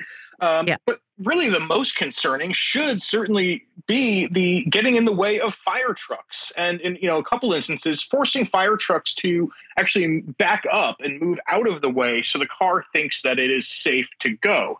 Look, we've all you know, if you drive and you're in a city, you've been in a situation where you've got an emergency vehicle trying to get around, and yeah, you got to go up on the curb or you got to you know do something that's not legal, so to say, a maneuver to get out of the way for that vehicle. These cars are not doing that. They apparently were not trained uh, and, and taught to do that. So whatever it is, you know, looking at how the these cars are behaving eh, on the streets of San Francisco is, you know, offensive and dangerous to to the residents. Uh, you know, not just to you know blocking fire trucks from getting to where they need to go but you know that also creates this this knock-on effect too where you have other people behind that car that then need to try to get around and this car won't move. And you know if you're you know you could be sitting there panicking but you can at least try to as a human move your car out of the way. Yeah. Uh, but these self-driving cars not going anywhere and people have not been happy. One of the one of the great things I've seen is that you can confuse these cars by putting a traffic cone apparently uh, on the hood because uh, then they think that there is a traffic cone in front of them and they can't move. So, right. you know, people on Twitter have been picking up traffic cones and just putting them in front of or on the car so that they're not going to go anywhere, which probably I'm not endorsing this behavior, but it might be making things a little safer. I mean, the other thing I can think of, not as eh, immediate a problem, but you know, eh, eh, as I said, sanitation workers say it's making their routes take longer. If they end up, you know, if they do take longer and the city ends up paying more overtime, or they decide over a period of time, well, gosh, I guess we need to hire more workers and we need more workers on each different route. You know, these are things that are paid for with public money which is in essence public money being uh, used to subsidize the profits of these driverless taxi companies. You know, I mean, it's not it's not the same as blocking a fire truck from getting to a fire, but it is kind of the thing that we see all the time, right? It, in these su subtle ways that our money is used to create conditions under which corporations can profit. Well, that's what this all comes down to is profit and money for these private companies that we have no control over, that the people of San Francisco barely have any kind of control over, as we see from the recent decision of the, the California Public Utilities Commission to go forward with this permission here. Um, you know, if we look at it, you know, Jeanine Nicholson, who's the fire chief of San Francisco, has been speaking out for quite some time about the dangers of these vehicles and talking about how even in testing they were, you know, blocking um, blocking fire hydrants. They were, you know, doing there's strange things happening with these cars. One example is that a vehicle just stopped on top of a fire hose. What do you do when that even when when that even happens? Um, and so you know whether it's public safety or public health or yeah you know even you know just the fact that maybe trash won't get picked up as quickly and then if there's a budget crisis it all gets you know piled on together but it's about profit because we have to ask why do they want these cars on the streets in the first place one of the huge uh, reasons that these companies are developing these cars is so companies like Uber and Lyft can actually to start deploying them. Uber and Lyft and you know, the other smaller rideshare companies notorious for not treating their drivers well. So these drivers, and I have been one in the past uh, to survive. You know, so I know very well the lower, you know, lowering rates, disregard for driver safety, also disregard for passenger safety on both sides. Um, they are looking to replace drivers with these autonomous vehicles it would be I would be terrified. I would not get in a car that did not have a driver if I called an Uber and a driverless car showed up to me. I would not get in that car. But they're trying to say, you know what, these drivers are demanding, you know, a living wage and respect on the job.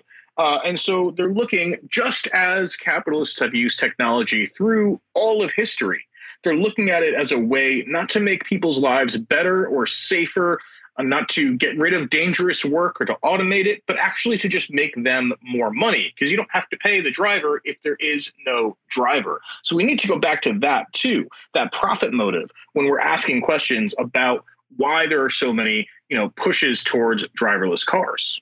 The other thing I want to ask is, you know, you say you talk about who wants these um, these vehicles on the road and why. Where is the public in this conversation?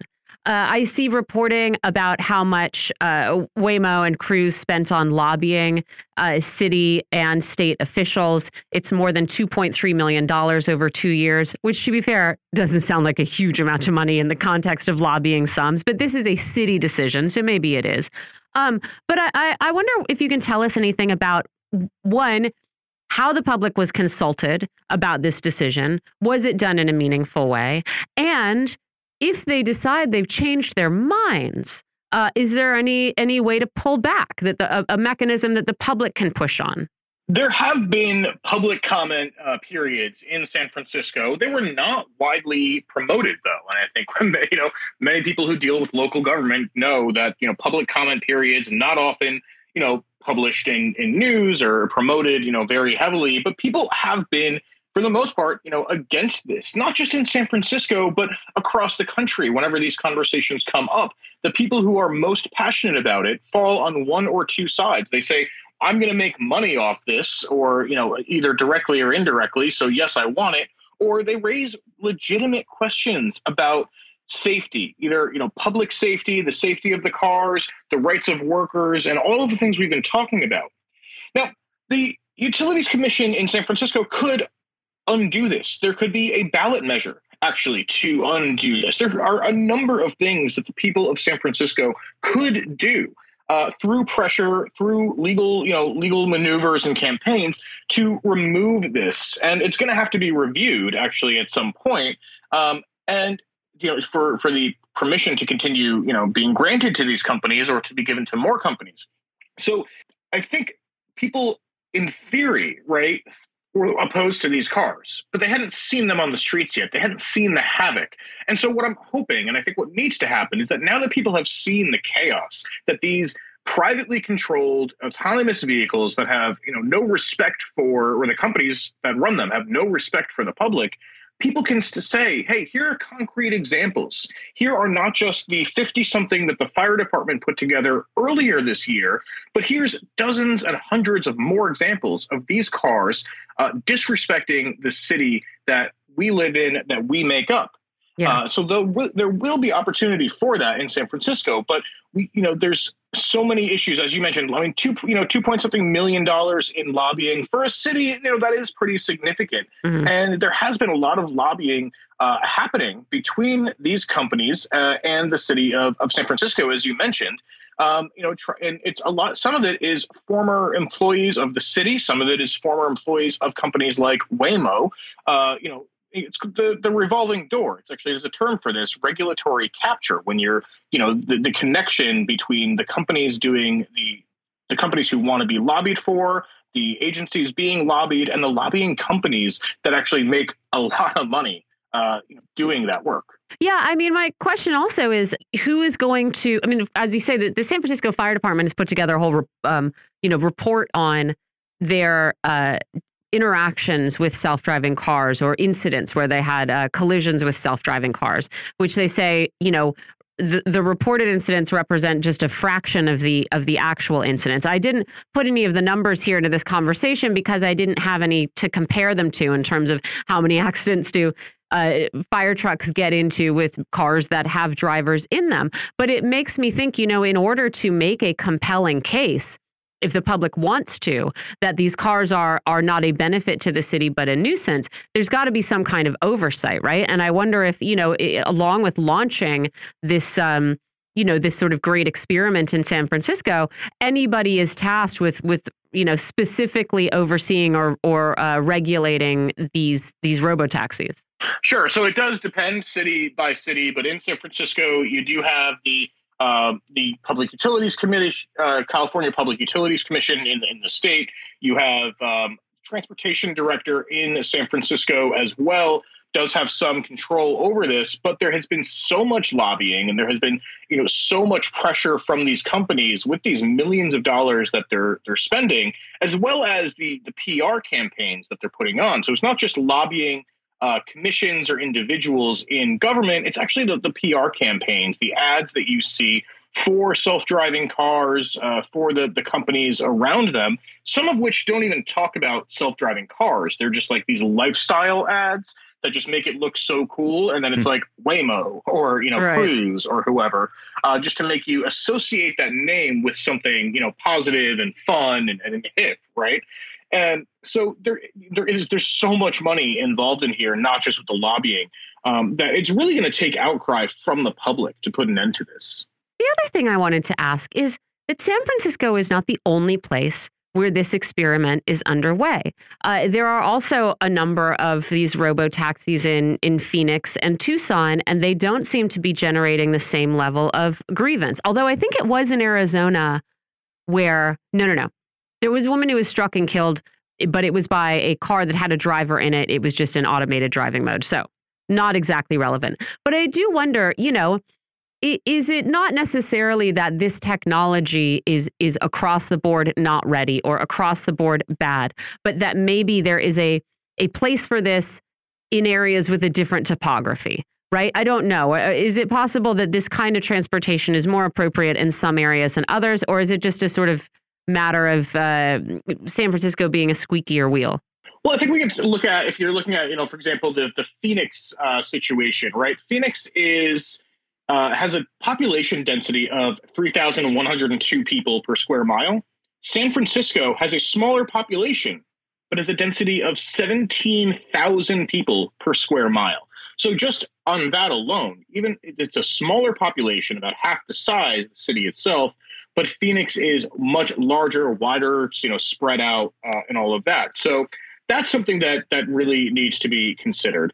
Um, but when we're you know when we're considering the questions that you're asking, and I think they're critical questions, and that's the thing is that people aren't the people who need to be aren't asking these questions.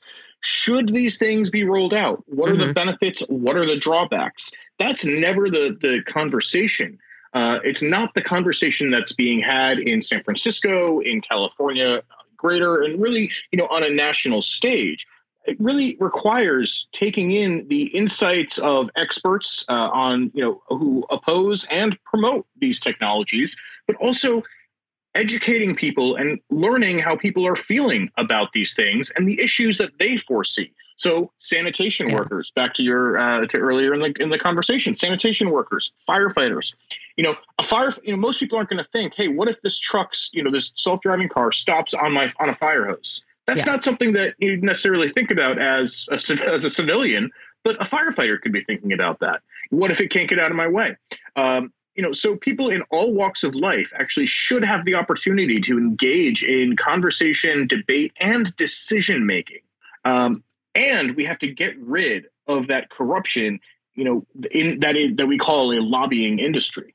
Yeah, I mean, the other thing that we should look at, I think, is what has been the history of what has been the impact of uh, Uber, Lyft, and some of these rideshare companies since they have been allowed to take over the market. You know what I mean? Like, there's a, there are wage implications, there are labor implications, there are larger economic implications. Which surely, you know, as you say, this experiment is being done because it is these companies that have been so negative for US communities in the recent past that they want to be able to deploy this technology. And I think we can already see the impact of of Uber on our societies, right? And think like, well, okay, if we allow them to grow more, what are we likely to see? Probably further depressed wages and every sort of knock-on effect from that.